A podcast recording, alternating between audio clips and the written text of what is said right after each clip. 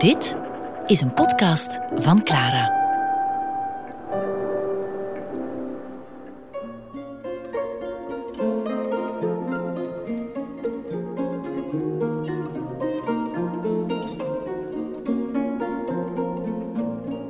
Een Italiaanse reis.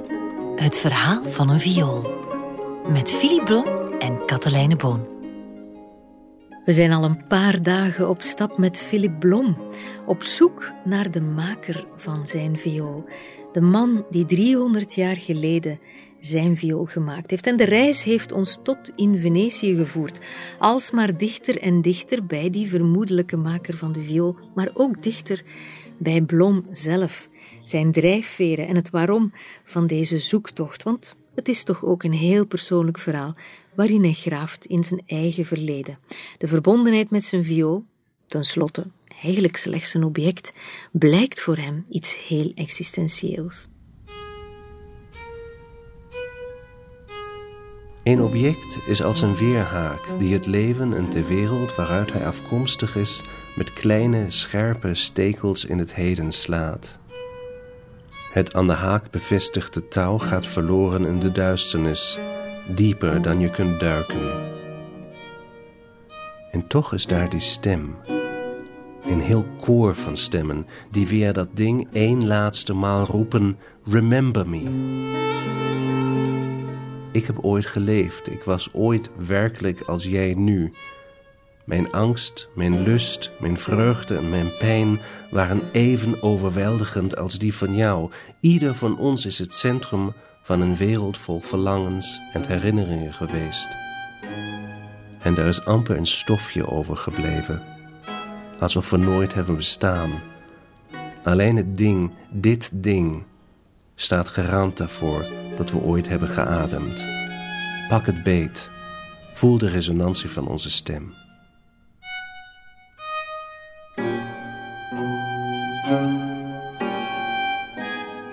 Al die stemmen uit het verleden die roepen: Remember me.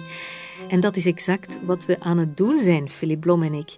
Ook al is er tot nu toe geen enkele stem bij die we een naam kunnen geven, want wie heeft die viool van Philip gebouwd? Het moet een meester geweest zijn, dat is duidelijk. Maar wie?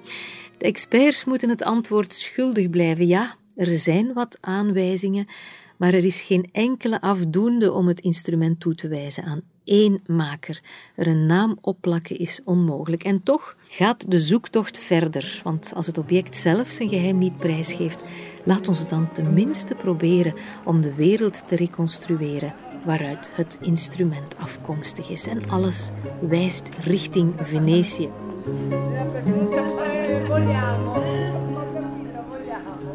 Venetië is wakker geworden vanochtend en wij gaan naar het Campo Santi Apostoli. Uh, waar het was eigenlijk het hart van de Duitse gemeenschap in Venetië. Maar um, dat wetende is het nog helemaal niet eenvoudig te weten hoe we daar naartoe moeten komen. Omdat um, Venetië is een vrij moeilijke stad om daar te navigeren. Als je het niet heel goed kent. Er zijn heel veel kleine straatjes. We gaan nu door een kleine Sotto Proteggio, een klein straatje. En ik hoop het gaat de goede kant op. Maar uh, het is ook een beetje het avontuur. Niet te weten met Google Maps waar precies de weg naartoe gaat. Maar even zelf de stad te ontdekken. En ik ben in deze deel van de stad nog niet geweest. Dus we gaan hier links. We kunnen verloren lopen hier. Het is heel waarschijnlijk dat we gaan verloren lopen. Maar dat hoort bij het reizen. Ik vind altijd, als je reist zonder kans verloren te lopen, dan heb je echt iets gemist. Je, moet, je leert de stad kennen, je leert delen van de stad kennen. Niet doordat je op de toeristenstraten blijft, maar omdat je even niet meer weet waar je naartoe moet gaan. En ik denk, hier is het inderdaad ook niet goed. Dat is een klein hoffetje, maar we gaan er even naartoe om te zien of we er doorkomen. Je hebt hier campos, cortes, campagnello's. Dus, uh... Je hebt van alles mogelijke. En dan als je denkt, nu ben ik op het goede pad. En het gaat er direct naartoe. Dan sta je opeens voor een kanaal. Ja, zoals hier. Zoals hier. We horen het al. Het ruisen van het water. En het is prachtig, maar het is niet praktisch. Het gaat niet er naartoe waar we naartoe moeten. En ik zou voorstellen, nu gaan we inderdaad Google Maps gebruiken om er naartoe te komen.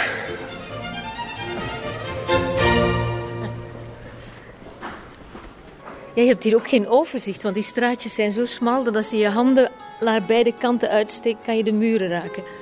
Ja, en dat is heel interessant, dat gaan we nog zien in de straat waar de meeste vioolbouwers zaten, de Calle delle Stanieri. Die is ook zo klein. En dat betekent natuurlijk ook, er was niet vreselijk veel licht. Die mensen moesten echt uh, een goede licht nuttigen.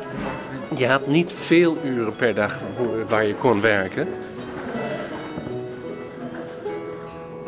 Wat me meteen opvalt als we door deze kleine, enge straatjes lopen, is dat dit geen grote, rijkelijke palazzo's zijn zoals je die ziet als je via het kanaal Grande Venetië binnenvaart. Hier geen marmer en geen krullen en versieringen. Nee, het zijn grote gebouwen, heel veel etages, maar vrij ruw afgewerkt. Um, een beetje een achterbuurt, durf ik niet helemaal te zeggen. Maar het is toch wel duidelijk dat hier niet de grote seigneurs woonden, maar veel handwerkers. Zo stel ik het mij eigenlijk voor, als een heleboel ateliers in de buurt, waarin uh, heel veel handwerkers bedrijvig bezig waren met het bouwen van violen, maar evengoed met andere dingen.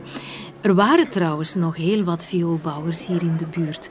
Zo was er een Matteo Sellas die een waar instrumenten-imperium had. Uh, meteen aan het begin van de straat, op de eerste verdieping. En ook die Tsuane Curci, die raadselachtige figuur waar we het eerder al over gehad hebben, heeft hier jarenlang zijn atelier gehad. Het is hier dat bouwers als Guarneri of Santo Serafin voor Cellas werkten en waar heel wat jonge leerlingen, gezellen zijn binnen en buiten gegaan.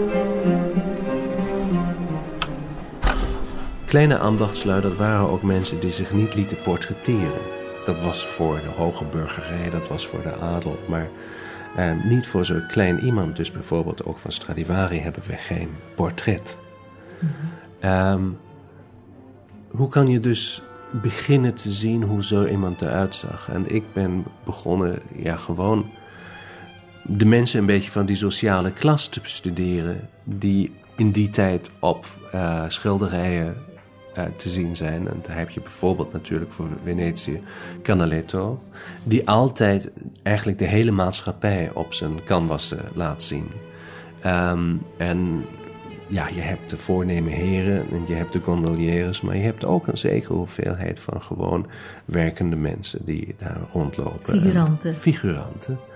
En dan zie je bijvoorbeeld een prachtige schilderij van de Piazza Giovanni e Paolo, die vandaag nog net zo uitziet. Als je op die plek staat, dan zie je bijna het identieke van wat Canaletto heeft geschilderd. Ja, en daar gaat een klein iemand over de brug. En dat is een man die, die is niet bijzonder goed gekleed. En dat is ongeveer 100 meter weg van, de, van het atelier van Matteo Goffrille. En het is mooi je voor te stellen dat, dat, een ambachtsman. Dat is misschien een vioolbouwer die net een viool uh, uh, brengt naar een muzikus. Um, is dat zo? Nou, je kunt het je voorstellen dat het zo is. Um, er is ook een... Ja, een soort van skitse van Canaletto van een, van een ambachtsman die daar staat met zijn schort en met een kleine pijp. En die, ja, zo zagen de mensen uit het volk uit. Maar meer nabij komen we daar niet natuurlijk. Se non è vero, è ben trovato. Se non è vero, è ben trovato. Dat is, um, ja, kijk, geschiednisschrijving begint met documenten, maar je mag denk ik ook Zeker als je literaire geschiedenis schrijft en niet, academische geschiedenis, dan mag je ook je imaginatie een beetje nuttigen. Je moet niet zeggen, zo was het. Maar je kunt wel zeggen, zo had het kunnen zijn.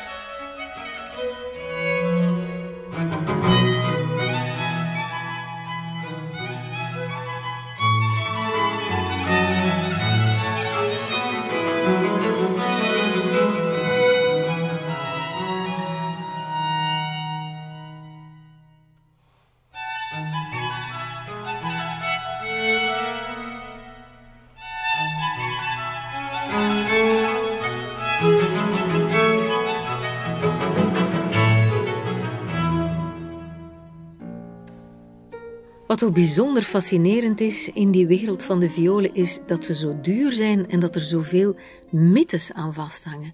Wat is dat toch bijvoorbeeld met die Stradivarius? Waarom zijn die instrumenten zo bijzonder? En mensen die erop mogen spelen, die vertellen daar zo lyrisch over, alsof het instrument en dingen laat doen die ze op een ander instrument niet zouden kunnen. Die instrumenten worden ook voor astronomische bedragen verkocht. Is ook de reden, denk ik, waarom er zo'n uh, grote gretigheid is bij banken en beleggers om instrumenten in huis te halen. En er zijn dan ook heel veel spectaculaire verhalen rond die Stradivarius-violen, zeker over violen die gestolen worden. En Philip Blom heeft er één wel van heel dichtbij meegemaakt. Ja, um, als je over violen spreekt, als je het over violen hebt, dan komt die naam onmiddellijk. Je pakt de viool en iemand vraagt: Oh, is dat een Stradivarius? En nee, deze viool is geen Stradivarius. En inderdaad, de meeste violen zijn geen Stradivarius. En er zijn een heleboel fantastische violen die niet van Stradivarius zijn gemaakt. Het is ja, toch wel een grote mythe die om die naam bestaat. Hij heeft ontzettend fijne instrumenten gebouwd. Um, die waren ook in zijn tijd al beroemd. Maar toch moet je zeggen... Um, er zijn een heleboel andere heel fijne vioolmakers ook. Maar met die naam kan je alle mogelijke dingen bereiken. En dat brengt mij eigenlijk ook um, ja, bij het verhaal waardoor ik überhaupt Marcel Richters heb ontmoet en uh, mijn viool dan tenslotte heb gevonden. Het was ja, enige jaren geleden, toen kwam een vriend naar ons toe, een Amerikaanse violiste, en die had zich net laten scheiden. En die kwam naar ons toe en zei, zei ze had een vreselijk verhaal dat moesten met ons delen en onze hulp vragen... omdat zij was een Stradivarius kwijt. Nou, hoe kan dat? Hebben wij gevraagd. En zij vertelde ja. Zij uh, had zich laten scheiden van een violist, een heel bekende solist. En zij had door de scheiding zijn Stradivarius gekregen.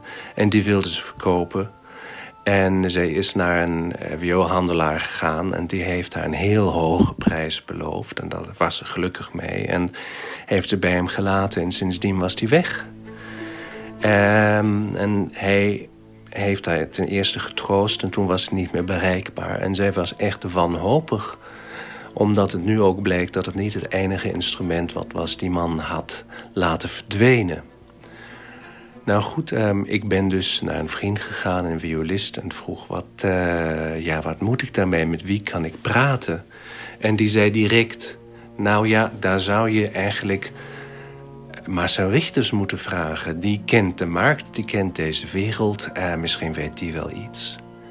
En toen ben ik naar Mar uh, Marcel toegegaan, heb hem opgebeld. Ik kende hem natuurlijk niet. En hij was heel, ja, heel stil, heel discreet. Dat is een discrete wereld van deze handel. Uh, maar ik heb niet uh, losgelaten. En uh, toen op een gegeven moment zei hij... oh, ik heb haar toch verteld dat ze niet naar hem moet naartoe gaan. En toen bleek het dat zij een heleboel handelaren had geconsulteerd... maar deze man had haar het meeste geld ge, beloofd. En ja, daar is ze daar naartoe gegaan. Maar hij had al een vrij slechte naam. Hij, had zich, hij was bekend geworden als handelaar van de duurste en kostbaarste violen. Dus eh, Stradivarius, Amati, Guarneri, eh, Guarneri del Gesù. De, mythische namen. Maar uh, ja, nu zat hij in het gevangenis. Hij had op een kasteel geleefd en hij had oude uh, auto's verzameld. En hij had het, een leven van een vorst gevoerd. Maar het bleek dat hij een heleboel instrumenten had laten verdwenen. Een heleboel instrumenten misschien ook meerdere keren had verkocht. En toen hij zich geld van de bank heeft geleund... en als zekerheid een instrument achterliet... een instrument van Amati of zo... bleek het achteraf dat het helemaal geen Amati was... die hij daar uit zijn kast had geproduceerd... maar een heel bescheiden Duitse kopie van het 19e eeuw. Uh, maar voor bankers ziet één viool uit als de andere. Dus um, ja, dat was een heel spectaculair geschiedenis eigenlijk. De geschiedenis van deze vioolhandelaar. En het is nog steeds niet duidelijk waar al die violen terecht zijn gekomen... die hij toen, toen in zijn bezit had. Um, maar ja, voor mij was het toch wel prachtig... omdat het heeft mij uh, met uh, die Marcel Richters in contact gebracht. En daar heb ik dan uiteraard ook mijn eigen viool gevonden. Een typisch Stradivarius-verhaal. En zo zijn er nog, want een ander spectaculair verhaal is dat van de Stradivarius van de grote violist Bronislav Huberman. Zijn viool werd in 1936 gestolen uit de kleedkamer van Carnegie Hall. Bronislav Huberman was een grote virtuose, een Pool uh, in de vroege jaren van de 20e eeuw. En die speelde op een Stradivarius van 1713. En die speelde één keer in de Carnegie Hall in New York. En daar heeft hij zijn viool achtergelaten in de kleedkamer... omdat hij had nog een viool, een andere prachtige viool in Guarneri... waarop hij zijn concert gaf... En uh, toen hij terugkwam, was zijn Stradivari weg uit de kist. Er was, er was gewoon niets meer in. En um, grote paniek. Um, hij heeft de viool niet uh, teruggevonden. Voor jaren, inderdaad decennia, was de viool verdwenen. Hij stierf zonder de viool ooit terug te krijgen. En jaren later, niet zo lang geleden kwam een jonge vrouw die zei... ja, kijk, ik heb deze viool, ik heb deze Stradivari... omdat het blijkt dat mijn vader... die heeft ze toen gejat toen hij een jonge man was. Is die, uh, 16 was die en die wilde een grote violist worden... en die vond daarvoor had hij een groot instrument nodig. En dan had hij met zijn moeder samen een soort van complot gemaakt... om uh, bij Hubermans uh, viool te komen... En is de omkleedkamer binnengegaan en heeft ze gejat. En heeft ze met schoenenpolijs zwart geverfd. En heeft ze over jaren gespeeld. Maar hij is helemaal geen beroemde solist geworden. Hij heeft in orkesten gespeeld, maar dan ook in bars en nightclubs en zo. En in jazzkapellen. En daar zat, zat hij dus met deze ongelofelijke Stradivarius. En uh, ja, die jonge vrouw die heeft ze dus aan de verzekering teruggeboden. En die verzekering moest ze terugkopen. Lloyds in Londen. Maar uh, toen kwam de viool weer op de markt. Uh, iemand moest de schoenenpolijs afkrabben. En toen kwam de viool weer op de markt. En die wordt toen nu dus gespeeld van Joshua Bell. Een grote Amerikaanse violist. En die heeft een keer een vrij mooi experiment gemaakt. Die is uh, de subway ingegaan. En heeft daar in de station uh, Bach gespeeld in de halte, Bach-partitas. Uh, en hij had de vorige avond in de Carnegie Hall deze Bach-partitas gespeeld. En mensen hebben honderden van dollars betaald om hem te mogen horen. En nu stond hij in de subway en niemand heeft hem aandacht gegeven. De mensen zijn gewoon doorgegaan.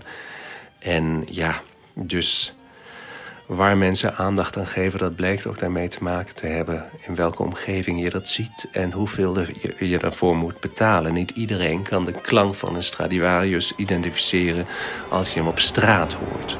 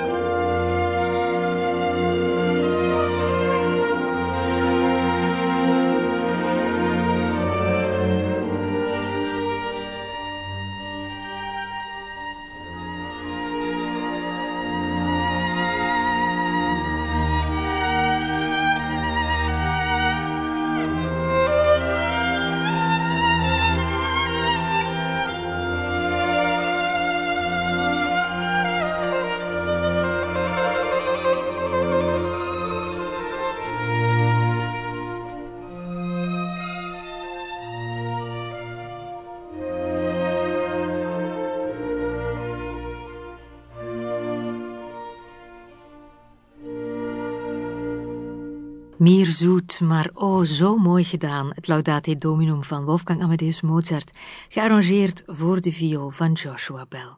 En zeg nooit zomaar viool tegen een Stradivarius, de ex-Huberman Stradivarius. Een Italiaanse reis. Het verhaal van een viool.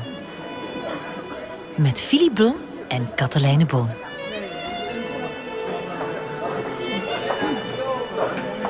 Ja, prima. Dat had ik gehoopt. Dat we hier uitkomen. Prachtige plaats. We zijn nu in wat ook een Duitse wijk was. Dit is de Fondaco dei Tedeschi. En dan ben je in het hart van de Duitse gemeenschap van Venetië, circa 1700. En daar heb je een heleboel straten waar Duitse en uh, ook Vlamingen leefden, omdat dat was een beetje hetzelfde toen. Allemaal mensen uit het Grijze Noorden die gekke talen spraken. Maar daar heb je ook een kerk waar ik eigenlijk naartoe wil. En een klein hoekje die heel belangrijk zijn voor dit verhaal.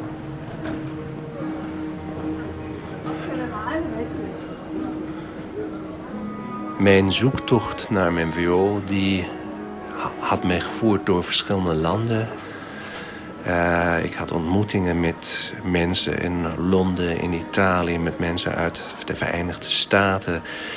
Uh, ik was echt overal. En uh, ik had nog steeds geen zekerheid. En ik had um, ook gecontacteerd de twee grootste experts voor Venetiaanse violen. Omdat ik had al de verdacht dat dit, is, dat dit een Venetiaanse viool was. En um, een van deze experts die heeft niet geantwoord. En de andere, die drie grote boeken over de violen van Venetië had geschreven... van die kreeg ik ook geen bericht terug. En ja, ik word lichtelijk wanhopig. En toen opeens kwam een bericht, een heel kort bericht... een heel Italiaans-Engels, die zei... Caro signore Blom, uh, die viool die hij heeft me laten zien, of de foto's die hij heeft me laten zien... die leken wel op, het beste werk van Matteo Goffriller. En uh, ik vind het helemaal plausibel uh, dat die van Goffriller is. En laat het hout maar onderzoeken en ga maar naar ja, die expert die ik meeste vertrouw... En dat heb ik gedaan en het bleek dat het inderdaad hout was van het vroege 18e eeuw. En toen ben ik naar Venetië gereisd om dus de viool aan uh, Stefano Pio, zoals die heette, voor te stellen. Om hem aan, hem te tonen, om echt zijn, ja, zijn opinie te krijgen, bijna zijn vonnis, uh, zijn oordeel. Um, en uh, ja, ik kwam naar Venetië en hij had afge hadden afgesproken op de vismarkt. Omdat hij zei dat is een prachtig oud gebouw, dat is een mooie plaats om te ontmoeten. Maar wat hij niet had, uh, wat hij niet had uh, in de gaten gehad... dat op die dag inderdaad een vismarkt plaatsvond. Dus wij hebben elkaar ontmoet tussen de viskoppen en tussen de halve vissen... en tussen de schelpen die daar waren in de geur van vis. En uh, heeft een beetje geglimlacht. En toen heeft hij ons naar een kanalen gevoerd. En we zijn overgestoken. En zijn rondgelopen. En hebben een beetje gepraat. En ik was toch wel vrij nerveus. Omdat het was een jaar werk of meer. Dat dat uh, gaan, ging afhangen van zijn, uh, ja, van zijn opinie van die dag. En um, hij nam ons naar een restaurant. Een heel mooi. En in het restaurant zei hij opeens, laat je viool maar zien. Die had ik op mijn rug. Of die stond naast de tafel. En toen gingen wij uh, in een klein uh, hoekje zitten en hij begon de viool te bekijken. Hij begon zo rond te draaien in het licht en de reflecties van het licht te zien. En hij begon ze van alle, uh, van alle perspectieven te bekijken, van onderaan en van ja, de achterkant en de zijkant en van boven. En de kleine krul die hij heeft. En hij zei maar niks. Ja, en ik voelde wel een soort van licht gevoel in mijn maag en in mijn hoofd. En ik had die dag niet zoveel gegeten. En ik dacht, ja, ik moet niet, nu niet flauw vallen dat hij daar voor mij staat en me weer beoordeelt. En toen begon hij te praten en zei, ja, um, dit is een goed viool. Dit is een heel goed viool. Dat is een echte meester die die heeft gemaakt. Dat zie je aan die lak, dat zie je aan de velving. En uh, ja, je hebt hier eigenlijk heel veel kenmerken van Gofrille en zijn werkplaats. Hij zei: Ik kan het niet zeker zeggen. Er zijn ook dingen die niet zo typisch zijn. Uh, maar in die werkplaats zijn zoveel instrumenten ontstaan die ook niet typisch zijn. Dit kan heel goed. Ik uh, denk dat die mens deze viool heeft gebouwd... zeker een tijd voor Goffrille heeft gewerkt in zijn werkplaats, in zijn atelier. En dat hij misschien uh, inderdaad dus de viool voor Matteo Goffrille heeft gebouwd. Ja, dat was, um, dat was een heel verhaal. Dat was uh, natuurlijk voor mij een ongelofelijke opluchting. Na zo lang dat ik daaraan had gewerkt. Um, ik was er best wel dankbaar voor. Um, maar ik heb nog steeds niet de antwoord, de definitieve antwoord. Maar die vind je misschien niet. Misschien moet je ook weten dat wij, wij zijn zo erop af altijd één positieve antwoord op iets te vinden. De wetenschappelijke antwoord. Maar die is er soms misschien helemaal niet.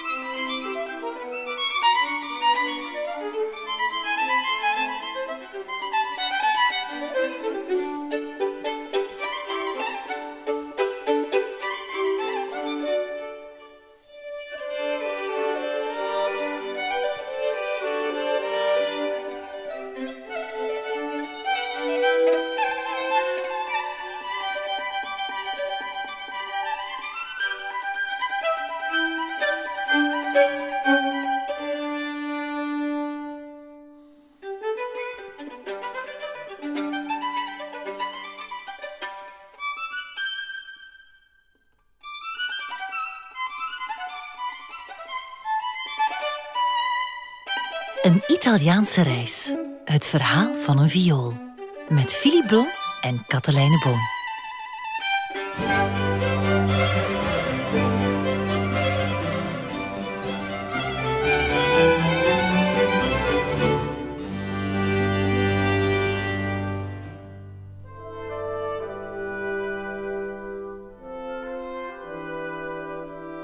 Terug naar de viool van Philip Blom. Dit instrument van Philip Blom heeft duidelijke kenmerken van de instrumenten uit het atelier van Goffriller. Te veel om aan het toeval toe te schrijven.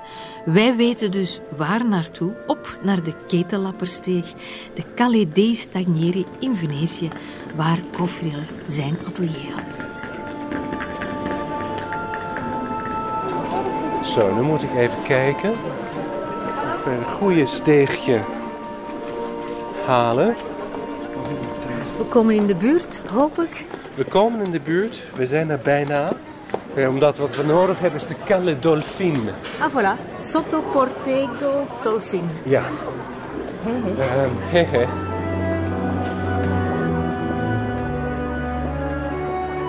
En daar is de Calle Dolfin. En nou, laat me even beschrijven. We zijn hier op een klein, hof, eh, op een klein hofje, op een klein piazzale. Hier is een souvenir verkopen voor t-shirts. Daar is een winkel die is gesloten. Hier kan je veel te dure horloges kopen. Daar heb je een snackbar. En ehm, dan kom je bij deze Murano-achtige glaaswinkel. En die heb je dus glazen flamingo's en glazen toro's en alle mogelijke kogels en zo. En dit winkel was zeer waarschijnlijk de werkplaats van Matteo Goffriller. Dit is waarschijnlijk de plaats waar honderden van heel fijne meesterwerken van de vioolbouwkunst zijn ontstaan. En Goffriller heeft of in dit huis of tegenover geleefd en boven zijn winkel gewoond, zoals toen eh, normaal. Maar je ziet, het huis tegenover is eigenlijk een palazzo. Het is, het is wat groter, wat prestigieuzer. En daarom denk ik niet dat dat de, de werkplaats was. En dit huis is een beetje lager. Het is een beetje minder voornaam. Dit is het huis van een ambachtsman. En ja, je kunt voorstellen hier, en je ziet, nu is het licht. Nu is het eh, bijna half twaalf, dus lichter wordt het niet. Maar dit is geen lichte straat. Eh, dit is niet zo, eh, zo nauw als de, als de andere straten, maar toch Gedurende de dag kon je hier werken aan zoiets delicaats als vioolbouw, waar een millimeter ongelooflijk veel uitmaakt. Waar de lak eh, heel nauwkeurig eh, moet worden ge- ge- gelegd. Eh, maar je had misschien zes uur goed werk per dag die je hier kon doen. En dan wordt het donker. En dan kon je bij kaarslicht of bij vroege lampjes werken. Maar ja, het goede licht er was niet zoveel. Maar ik heb me veel op de rug. En ik weet niet of ze zich hier thuis voelt. Maar het is zeer mogelijk dat ze hier wordt gemaakt. En die winkel die vandaag een winkel voor Murano souvenirs is. Calais Dolphin 5622, dat is het adres. Inderdaad. Het zijn toch opvallend kleine ruimtes, die ateliers waar ze met heel wat handwerkers samen bouwden aan een viool. Zes uur daglicht maar om te werken aan je viool. Ja, om zo'n instrument af te krijgen moet je dan toch twintig dagen tot een maand werken. Dat is onvoorstelbaar als je dan ook weet dat in 1700 Goffriller blijkbaar 30 instrumenten heeft afgeleverd. Op 12 maanden. Betekent dat het atelier ongelooflijk productief moet zijn geweest of dat ze met ontzettend veel mensen hebben samengewerkt. Maar het is in elk geval een, eh, een onvoorstelbaar straffe prestatie. Hierboven in de eerste verdieping hebben de meester en ook zijn leerlingen en de hele familie dus geslapen, gewoond. En hier beneden hebben ze gewerkt. En je ziet nog aan de balken binnenin dat ze heel oud moeten geweest zijn. De houtworm zit erin. Ja, ze zijn oud. Ik hoop dat de houtworm er niet in zit. Um, of misschien wel. Zullen we even binnen gaan?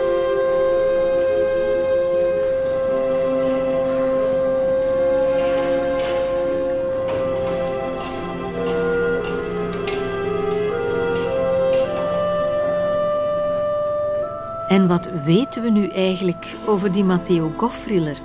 Wel, hij heeft het ons niet makkelijk gemaakt om eh, meer over hem te weten te komen. Hij heeft veel succes gehad, maar hij heeft dat succes niet al te zichtbaar gemaakt. Hij is eigenlijk onder de radar gebleven, toch wat zijn belastingen betreft. En u weet, belastingen, dat is echt de manier. Belastingen en wettelijke teksten of boetes of noem maar op. Dat is de enige manier om figuren uit het verleden te kunnen uh, natrekken. Zijn persoonlijk leven is misschien ook wel de sleutel waarom hij zo graag onder de radar van de belastingsinspecteur wou blijven. Hij had namelijk een erg groot gezin. Hij was getrouwd met dochter van Matthias Keizer, een instrumentenbouwer. En samen met zijn vrouw Madalene had hij twaalf kinderen.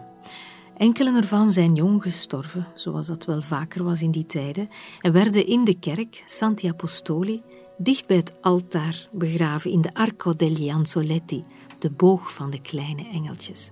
Maar onder de kinderen die in leven blijven waren er een paar meisjes. En meisjes die hadden een bruidschat nodig. En dat kost geld. Barbara Goffriller bijvoorbeeld trouwde met een Vlaamse diamantair, een zekere Felice de Palatijs. Regina werd de vrouw van Emanuel Marilich, een Duitse boekhandelaar.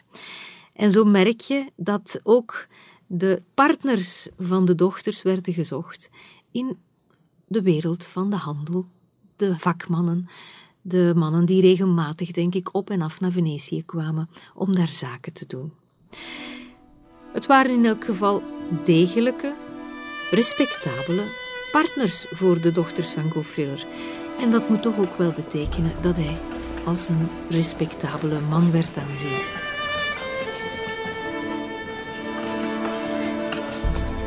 Ja, we zijn nu in de Murano-winkel.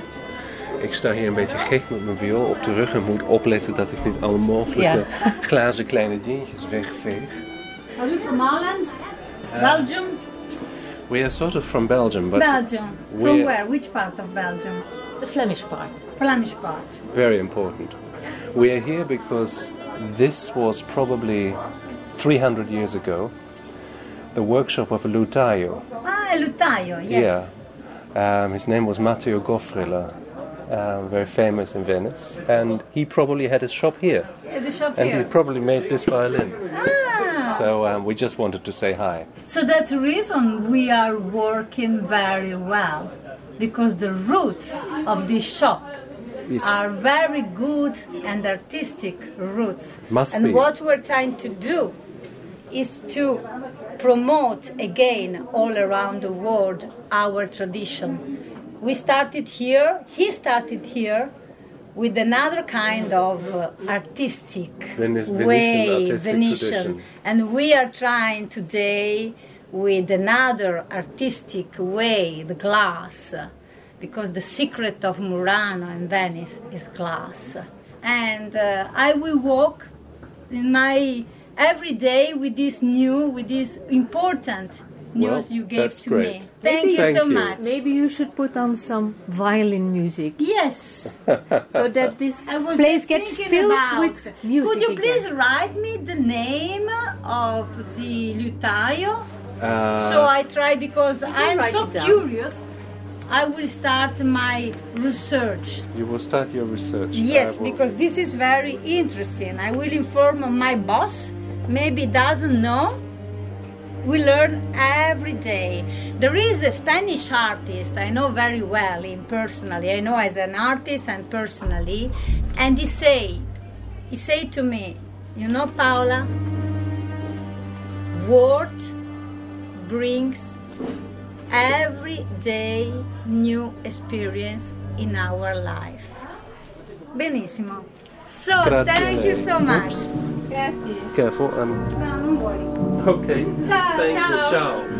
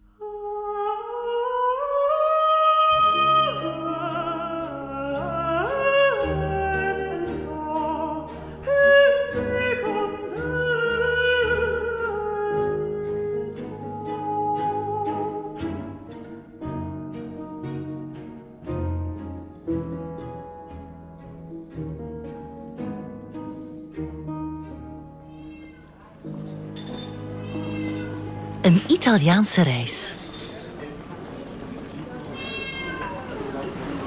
Nou, wij gaan nu even hier naar een klein hofje. Omdat je ziet, 30 seconden weg van de werkplaats van Matteo Goffriller was de herberg van de Witte Leeuw. En in de Witte Leeuw, in Leon Bianco, heeft hij zijn werk gedaan. En dat was hier. Grote herberg waar mensen dus zaten wijn te drinken, dingen te eten. En we weten dat Goffriller hier vaak was, omdat op heel veel van de contracten die hij heeft gemaakt, heeft de, ehm, de herbergier van deze herberg uh, on, uh, tegengetekend als ja. getuige. Oké. Dus dit was een place of business waar hij was. En eh, ook dat laat je een beetje zien, het sociale milieu van, van zo'n vioolmaker. Hij was in een, in een populaire kroeg. Ja, Eh, en zocht hij het ook niet ver, hè? Twee Nee. hoekjes om en je bent er. Ja, inderdaad. Mensen zijn. En we gaan nie- nu over het bruggetje en naar de kerk toe, waar inderdaad de hele Duitse gemeenschap heeft gebid en zich leren kennen. Je ziet al, het is een kerk waar ook woonhuizen zijn aangeplakt. Hier hebben we een markt daarvoor. Worden broodjes verkocht en Ehm, oregano zie ik daar. Al mogelijke fijne nootjes. We willen eigenlijk gewoon gaan zitten. En hier wordt stof verkocht. En hier is de kerk. Een façade die heel simpel is eigenlijk. Baksteen. Een beetje marmer aan de deuren. Aan Chiesa di Santi Apostoli. Ten eerste opgezet in het 9e eeuw. En dan ja, hermaakt in de 16e eeuw. Je hebt er dus eh, schilderijen in van Tiepolo en de andere. Maar wij gaan er nu naar binnen. Ik zie daar aan de andere kant van het plein ook een evangelische. Ja. Dat is echt de Duitse buurt. hier. Dit was echt de Duitse buurt en dat was belangrijk.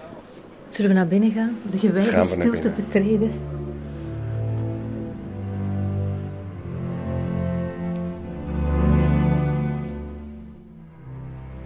Zo staan we dan eindelijk in de kerk.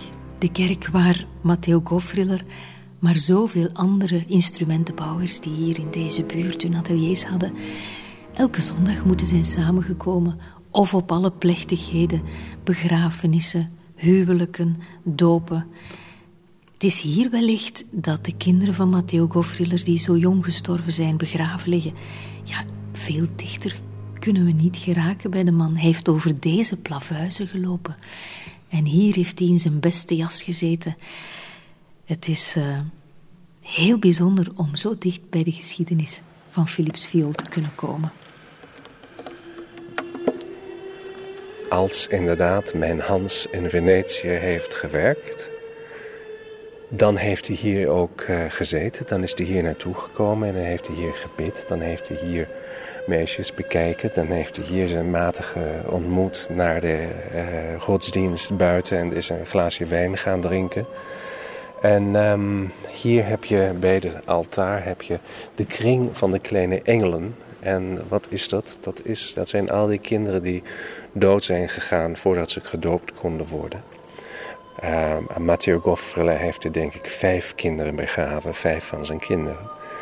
Was toen vaak. En dus deze kinderen, of de, de resten van deze kinderen, die liggen hier ook nog. En um, dit was dus ook een plaats van sterke emoties voor de mensen die hier waren. Het was niet alleen maar een gemeenschappelijke plek waar je naartoe kwam, maar ja, de mensen hadden hun kinderen hier laten, gelaten. De mensen waren hier getrouwd. De mensen hebben hier hun uitvaart gehad.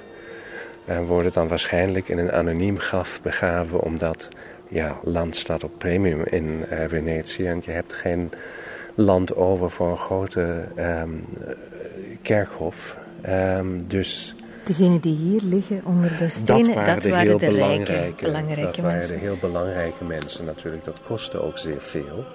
Maar voor de kleine ambachtsleden dat was dat niet. Uh, daar kon je alleen maar een anoniem graf krijgen. Maar een goed deel van het leven van mijn Hans zou zich hebben kunnen afgespeeld hier. En dat vind ik een een fijn idee. En de kerk zag ongeveer zo uit als ze dat nu ook doet. Ehm, dezelfde architectuur, veel van dezelfde schilderijen. Daar heb je ook nog fresco's uit de 13e eeuw of zo, die waren daar dus zeker al. Ehm, maar je hebt, hebt hier ook schilderijen van meesters van die tijd. En je hebt een prachtige akoestiek. En die zou ik eigenlijk graag ook als een kleine hommage nog een keer uitproberen. Ehm, het is bijzonder leuk in zo'n kerk te spelen. En um, als niet de sacristan meteen komt en zegt dat we op moeten houden, dan kunnen we misschien een beetje muziek maken die voor zo'n plaats ook goed is. Mooi. Er wordt weer opgezet. Hij is al bijna gestemd. Ik hoop dat hij niet te zeer verstemd is. Wat ga je spelen? Nou, ik denk in de kerk van de Duitsers mag ik een Duitse componist spelen. Dus gaan we een beetje Bach doen. B klein partita van Bach. Een heel mooi meditatief stuk. Heel simpel, maar heel complex. Zoals alleen maar Bach dat kon.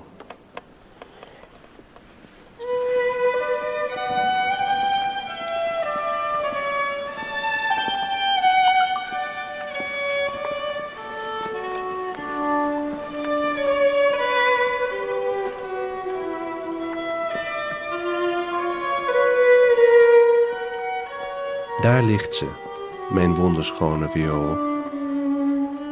Ze heeft haar geheim niet helemaal prijsgegeven. Ze verschaft steeds weer veelbelovende inzichten, wekt hoop, maar weigert op mijn vragen een definitief en helder antwoord te geven. Houdt zich toch altijd het recht voor niet te zijn waarvoor ik haar aanzie. Ze houdt een veelvoud aan verhalen over zichzelf en haar verleden, haar oorsprong in de lucht. Haar leeftijd is onzeker, haar plaats van herkomst en de naam van haar familie zijn een geheim dat alleen aan hand van kleine gekunsteldheden en details, althans gedeeltelijk, ontsluierd kan worden. Ik erken de ironie in deze langste liefdesaffaire van mijn leven, deze onoverbrugbare afstand en tegelijk de sterke verbondenheid met mensen die ik niet kan terughalen en nooit heb gekend. Alleen bij het spelen voel ik die afstand niet. We passen goed bij elkaar. Ik groei nog steeds door haar en ontdek nieuwe mogelijkheden, want zij is beter dan ik. Ligt niet alleen in leeftijd en ervaring behoorlijk op me voor. Soms moet je ook leren geheimen te accepteren. Eigenlijk gaat het altijd maar om passie. Een object als mijn viool verbindt me niet alleen met een persoonlijke passie, maar ook met een leven van volkomen onbekende mensen die in een wereld geleefd hebben die ik slecht in grove trekken ken. En toch ben ik door niet meer dan tien paar handen geschreden van hen, tien generaties. Het is een dodendans, een passacaglia door de eeuwen heen. En verder gaat de bas, de muzici bouwen met een knipoog slagers en de feestelijke klanken in. Juist op het meest verheven moment slaat de banaliteit genadeloos toe. De koppige wil tot de waarheid levert niets op als de verbindingslijnen afgekapt zijn. En alleen een toevallige vondst en krankzinnige gelukstreffer kan daar iets aan veranderen. Tot dat moment resteren de verhalen, versies, argumenten en controverses en de klank. Gewoon de klank, de uitdaging, de dagelijkse discipline en heimelijke bevrijding. Ik moet op weg. Ik moet nog oefenen. Bach wacht.